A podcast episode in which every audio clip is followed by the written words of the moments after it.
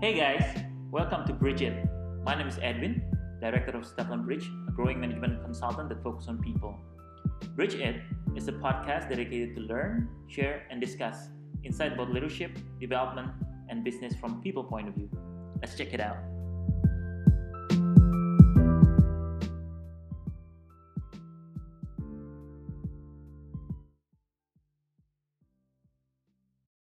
In this episode, we're going to talk about SMEs as the backbone of Indonesia's economy, an HR view.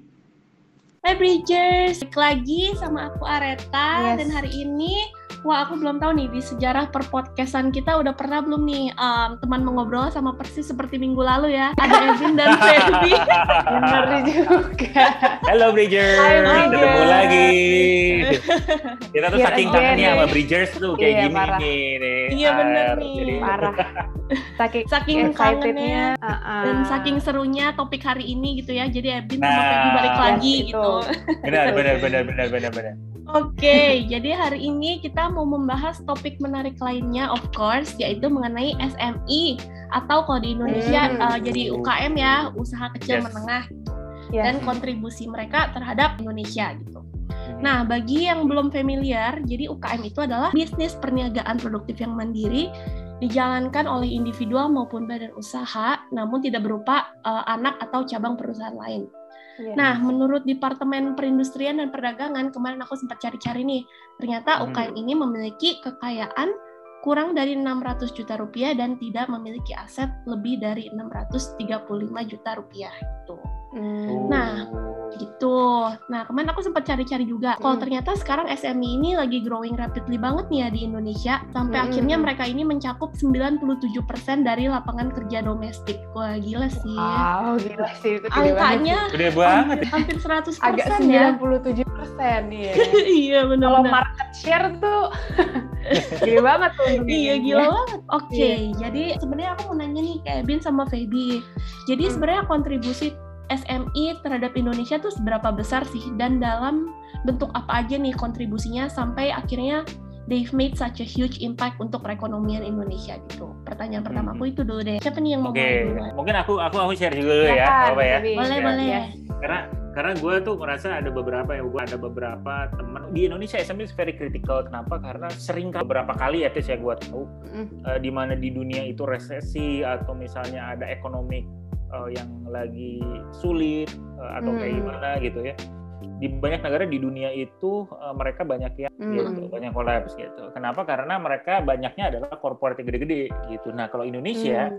banyak sekali nih small and medium enterprise gitu yang di mana Mm. mereka uh, consumernya adalah lokalnya gitu ya kecil Hmm. tapi they are Mm-mm. striving they're struggling yang membuat kita tuh nggak pernah sampai nget-nget Iya. gitu gitu Hmm. itu itu salah satu part yang yang membuat SME is very critical di kita gitu dan malah kalau di Indonesia banyak lagi yang mikro mikro gitu ya yang Iya, Mm-mm. benar. teman-teman bisa lihat sendiri deh kalau misalnya jalan aja jalan kaki gitu pasti dekat udah akan ngelihat ada warung ada ada orang jualan pecel lele that is small and medium Mm-mm. enterprise di mana kita sendiri masyarakat Indonesia tuh banyak yang konsum terhadap produk mereka juga gitu jadi Mm-mm. Mm-mm. itu yang uh, membuatnya jadi critical dan SMS itu kan uh, yang the closest sama masyarakat Indonesia juga creating lapangan pekerjaan ya walaupun Mm. mungkin satu misalnya warung pecel lele ada dua orang Mm. atau tiga orang misalnya atau Mm. lima gitu-gitu ya Mm-mm. nggak nggak jadi kayak oke karyawan ada dua puluh ribu enggak gitu tapi justru yang Mm. kecil-kecil seperti itu yang yang thriving dan mereka apa ya ulet gitu ya jadinya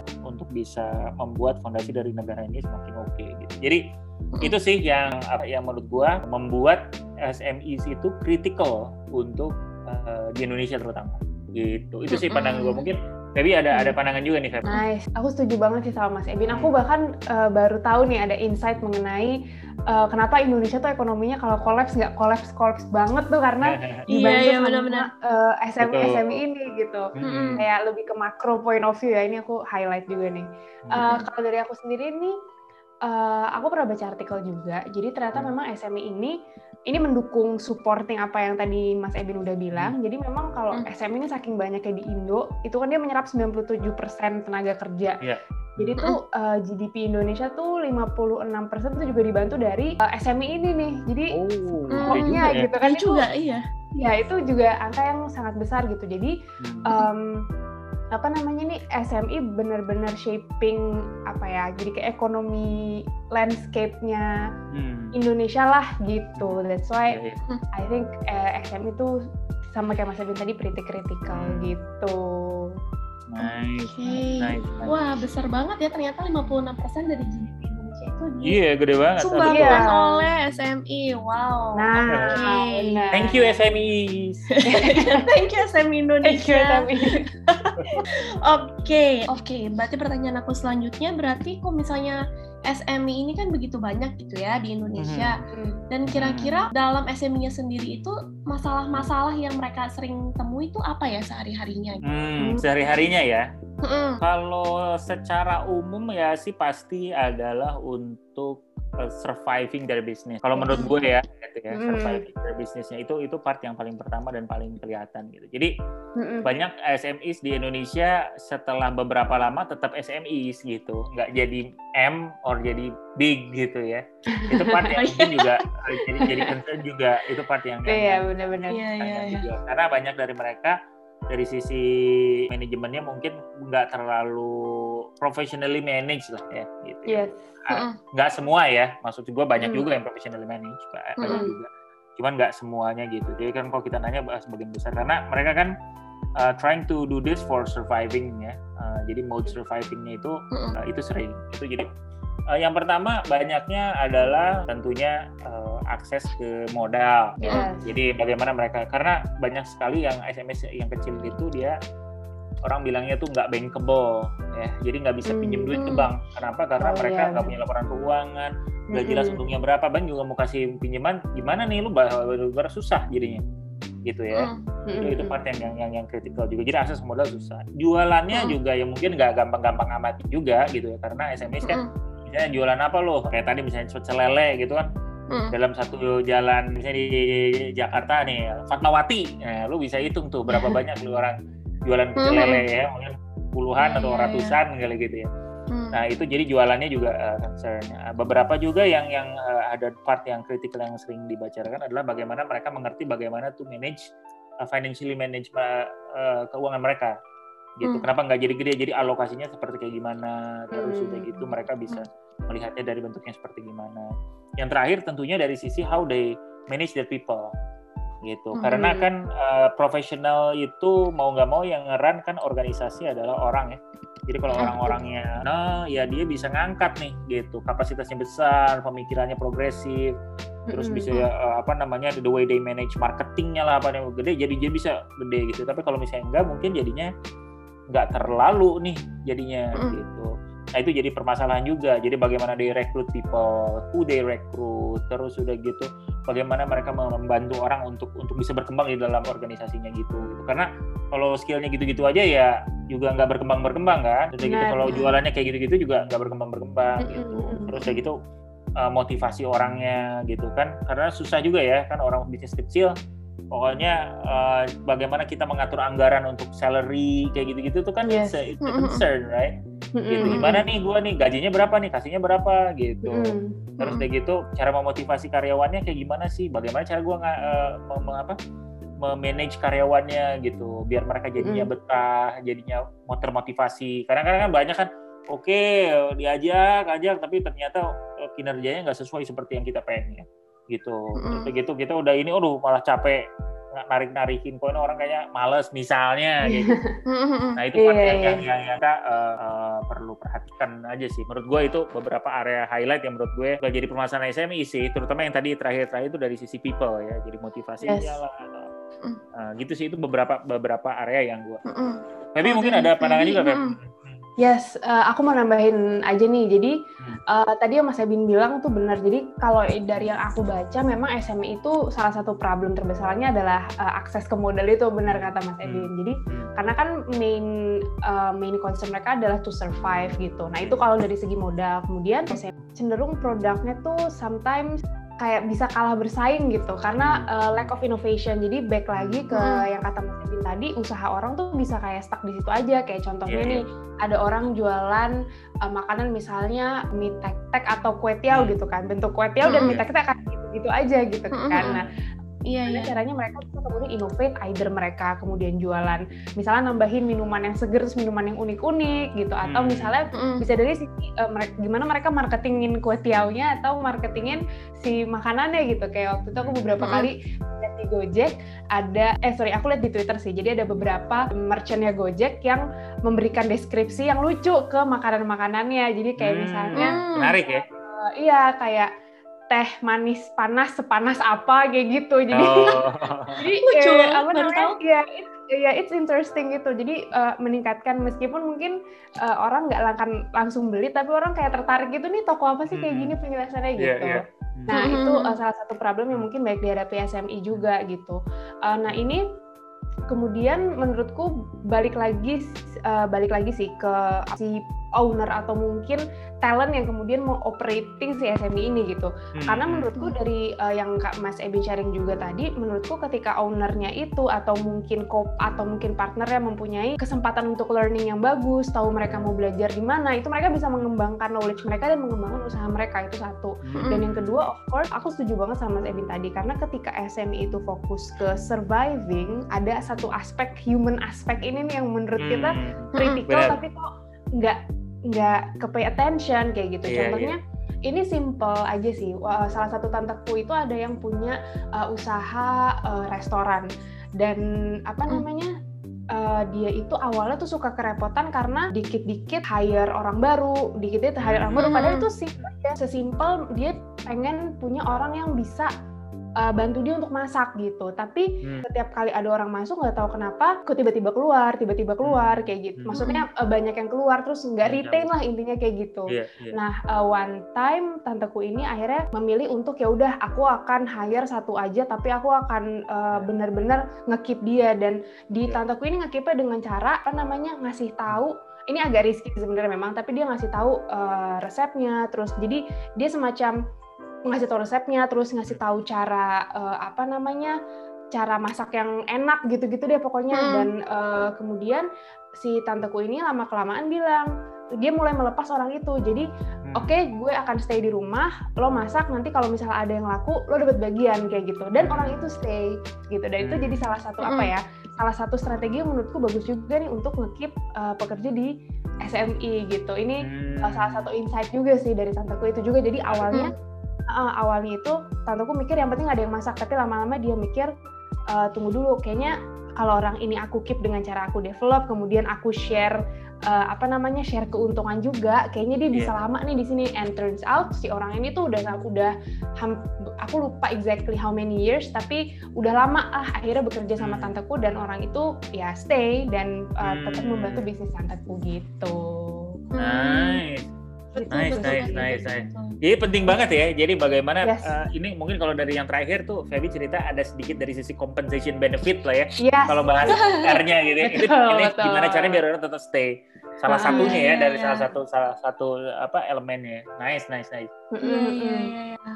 Wah, aku setuju banget nih. Kan sekarang aku juga lagi lihat ini ya Facebook gitu ya. Terus aku lihat ada Mm. banyak nih grup-grup UKM di Facebook Hmm. Dan uh, banyak juga nih dari mereka ternyata katanya uh, Hmm. yang mengeluh tentang karyawan ada yang ngeluh kalau misalnya aduh karyawan karyawanku tuh kenapa sih males banget kalau misalnya disuruh nggak nggak ada motivasi gitu ya atau bahkan Iya, iya. ada juga nih yang kayak udah dilatih lama-lama tapi karyawannya malah uh, pergi pergi nikah Hmm. gitu malah nggak bisa retain mereka nggak bisa retain karyawannya Hmm. gitu Hmm. Iya. kalau misalnya di bidang HR sendiri, berarti untuk merecap yang tadi Feby sama Ebin bilang, berarti yang pertama itu ada Hmm. soal rekrutmen ya. Rekrutmen, Ya, habis tentunya. itu untuk meningkatkan performa kinerja karyawannya. Mm-mm. Terus em, ada lagi nggak ya, misalnya kayak apa ya, reward and punishment gitu kah? Kalau misalnya mereka memberhentikan karyawan, mungkin apakah mereka punya masalah di situ juga gitu? Beberapa Hmm. tips gitu mungkin ya. Iya, Iya, tips-tipsnya nih bagaimana? Oke, gua gua ada satu nih yang yang menarik ya buat gua. Ini sebuah quotes yang Mm-mm. gua sukain kalau bahasa Inggrisnya adalah take care of your people and let their people take care of your customer. Gitu. Oh, Ini ini salah satu part Iya, yang iya. kritikal. Jadi Nice. uh, ini adalah sebuah mindset menurut gue ya. Ini sebuah mindset dan uh, framework gitu. Jadi tugas lu sebagai seorang uh, apa namanya business owner, misalnya kalau SME lah cuma punya tiga atau lima nggak apa-apa gitu. Mm-mm. Tapi Mm-mm. lu take care tuh uh, orang-orang lu karena at the end of the day mereka nih akan take care kan consumer lo, right? Jadi kalau misalnya mereka di take care dengan baik, mereka juga akan men take care consumer lo dengan baik, gitu. Sesimpel itu sih sebenarnya. Uh, apa yeah. nih salah satu mindset yang kita pengen take care, gitu. Karena mereka akan merasa nih nanti kalau misalnya emang di take care dengan baik, take, uh, uh, mereka juga akan merasa bahwa oh gua uh, apa yang mereka tuh belajar bagaimana to treat uh, others lah kurang lebih ya dari dari yes. konteks profesionalism ya kan kalau misalnya kita hmm. misalnya business ownernya juga concern gitu oh lu kayak gimana perlunya? Those kind of mind kalau orangnya care gitu ya oh lu gimana hmm. nih apa yang lu perlukan untuk perkembangan lu kayak gimana? Gitu. Nanti dia juga karyawan akan mikir juga ini customer gue kayaknya perlunya apa? Gimana how I, I should care to them? Gitu gitu hmm. itu, part dari sesuatu yang perlu dipikirkan di, di, uh, ya. Tadi hmm. mungkin uh, rekrutmen ya betul bagaimana cara merekrut gitu uh, juga. Terus gitu oh bagaimana nih? Yang tadi ada yang resign atau itu ada kalau misalnya yang bahasa kerennya kalau di HR itu kan mungkin talent management ya. Ya, yes. walaupun yeah, emang yeah. talent management kayaknya untuk korporat yang gila gimana banget, tapi as simple as succession planning gitu. Jadi lu punya orang misalnya lima gitu, gimana nih cara kita memanage orang tuh biar kalau misalnya satu pergi, yang lainnya masih bisa take care atau hmm. misalnya ada yang uh, ini karena zaman sekarang memang agak uh, orang kan uh, pengen cari uh, experience yang yang diverse ya, terus udah gitu hmm. orang juga zaman dulu mungkin orang stay di satu company dari dia lulus kuliah sampai pensiun gitu. Sekarang kayaknya nggak mm -hmm. seperti kayak gitu gitu. Even mm -hmm. youngsters ya maupun di SMEs ya mungkin juga seperti kayak gitu. Nah, gimana nih cara kita kita lihatnya? Mungkin kita bisa lihat bagaimana sih uh, kita create excitement buat dia bikin projectsnya apa namanya kerjaannya mungkin dirotasi beda-beda atau apa gitu-gitu. Nah itu sih beberapa hal yang menurut gue. Cuman kalau lu semua pada lupa dari apa namanya apa yang gue bilang pada pada pada podcast hari ini satu hal yang pengen gue lu inget aja ya bahwa take care of your people and then they will take care of your customer. Jadi uh, di main hmm. apa namanya apa namanya manage dan dan kita atur kita kita perlakukan uh, karyawan kita itu dengan sangat baik sehingga mereka dengan akan dengan sangat baik juga men take care consumer dan customer kita. Itu sih mungkin kalau dari gue uh, Areta Oke okay, oke, okay. nice. Kalau dari Feby mungkin ada tipsnya nih untuk bagi para UKM dalam implementasi uh. SDM mereka gitu. Oke, okay, sebenarnya kalau uh, menurut gue ya berdasarkan ada beberapa cerita-cerita yang gue dengar, uh, memang tuh uh, sometimes ketika kita misalnya kita owner dari UKM gitu dan kita nge-hire hire orang. Misalnya kita punya restoran terus kita punya koki terus ada waiter gitu-gitu. Sometimes uh, masalah paling umum yang dihadapi itu gaji satu. Satu yang kedua adalah absensi. Biasanya dua masalah itu tuh yang paling sering aku dengar gaji dan absensi pokoknya yeah, gitu. yeah, yeah. nah jadi uh, in terms of gaji ini dalam apa ya dalam payung membahas retention ya gimana caranya kita. Hmm. tadi kan Mas Ebon udah udah membahas mengenai uh, care to your yeah. employee. Nah, yeah. mereka akan take care ke customer kan. Nah, kalau aku nih hmm. dari uh, segi how to retain nih. Nah, hmm. retain itu bisa dari hmm. most common problem adalah absensi dan gaji gitu. Nah, kalau hmm. gaji hmm. menurutku kalau memang anggarannya cukup dan sesuai itu uh, kalau bisa UKM tuh dan uh, apa ya selain UK eh sorry UKM apa namanya sesuai dengan uh, minimum upah upah UMR. minimum gitu hmm. UMR kalau udah UMR mungkin uh, kalau bisa lagi nih if possible juga uh, ada ada BPJS kesehatan lah minimal kayak gitu BPJS kesehatan. Karena BPJS kesehatan tuh ternyata uh, for some people itu quite a burden juga tapi mereka butuh gitu kan. Hmm. nah I think it, itu itu bisa menjadi salah satu poin yang uh, menarik buat employee nih untuk uh, punya benefit si BPJS kesehatan itu gitu. Nah itu dari segi gaji. Nah kemudian yang kedua kalau dari segi absensi nih. Nah jadi kalau dari segi absensi uh, menurutku it's a good thing untuk apa namanya untuk punya bukan sistem ya sistemnya masih sistem sederhana aja lah. Misalnya pencatatan hmm. tiap pagi either misalnya kalau kita nggak misalnya kalau kita nggak harus standby di restoran kita minta karyawannya setiap hari jam segini harus salah bilang saya udah datang saya udah datang kayak gitu nah uh, itu apa ya building semacam komitmen dari karyawan kalau misalnya oh aku harus datang jam segini dan aku harus absen jam segini kayak gitu. Hmm. Jadi uh, itu salah satu mungkin technical tips kali ya buat uh, buat teman-teman yang punya UKM gitu di mana di luar sana itu uh, karena itu I think dari pengalaman yang aku dengar baik dari teman-teman uh, dari artikel yang aku baca atau cerita yang aku dengar itu uh, gaji dan absensi tuh jadi uh, one of like most common problem Most lah. common problem. Hmm. Yes, gitu. Iya, iya, iya. Nice, Oke, nice. Wah, tips-tipsnya ini sangat berguna ya. Nah, Mm-mm. oke, sepertinya kita sudah sampai ke penghujung podcast kita nih kali ini, Bridgers gitu. Yep. Jadi untuk merecap podcast kita kali ini uh, pendek aja ya. Jadi bagi para SMI nih, walaupun masalah uh, seperti finansial atau marketing penting banget buat kalian, tapi seperti yang Ebin bilang tadi, we have to take care of your people and they will take care of your customer. Karena Hmm. uh, bisnis juga harus inget nih kalau misalnya karyawan itu yang menjalankan bisnis kalian. Jadi itu penting banget Hmm. buat Betul. SME untuk memanage karyawan kalian gitu. Hmm. Oke, Betul. that's all for today's podcast. Nah, seperti biasa nih, kalau Bridgers ada yang tertarik banget sama dunia HR, make sure kalian follow Instagram kita at Stefan Yes. Bridge. Dan um, kalau misalnya nih salah satu dari Bridgers ternyata memiliki usaha kecil menengah dan kayaknya setelah mendengar diskusi kita terus kalian kayak merasa oh iya kayak gue punya masalah nih dalam mengatasi karyawan gitu ya bisa banget nih Hmm. kalian cek Instagram dan Facebook dari service baru Stefan Bridge yaitu SWB Partner UKM. Yeay. Oh Sip, iya. Yes. Dan hari Kamis kita juga ada live streaming nih di Instagramnya SVB Partner UKM mengenai Yes. uh, karyawan dalam aset perusahaan. Tanggal 22 April jam 5 sore. Jadi kalian jangan lupa ditonton live streamingnya. Yes. Sip, sip. Oke, jadi thank you so Alright. much Ebin sama Thank Feby you. sudah sharing hari ini. Oke. Alright, thank you see so you, much Bridget. everyone. See you Bridget. Thank you. See you next Bye-bye. Bye bye. Bye bye. Don't forget to listen to our podcast every Wednesday on Spotify, Apple Podcast, and Google Podcast. Visit our website at stevlinbridge.com. Follow us on Instagram at stevlinbridge. And for any inquiries, please email to contact at stevlinbridge.com.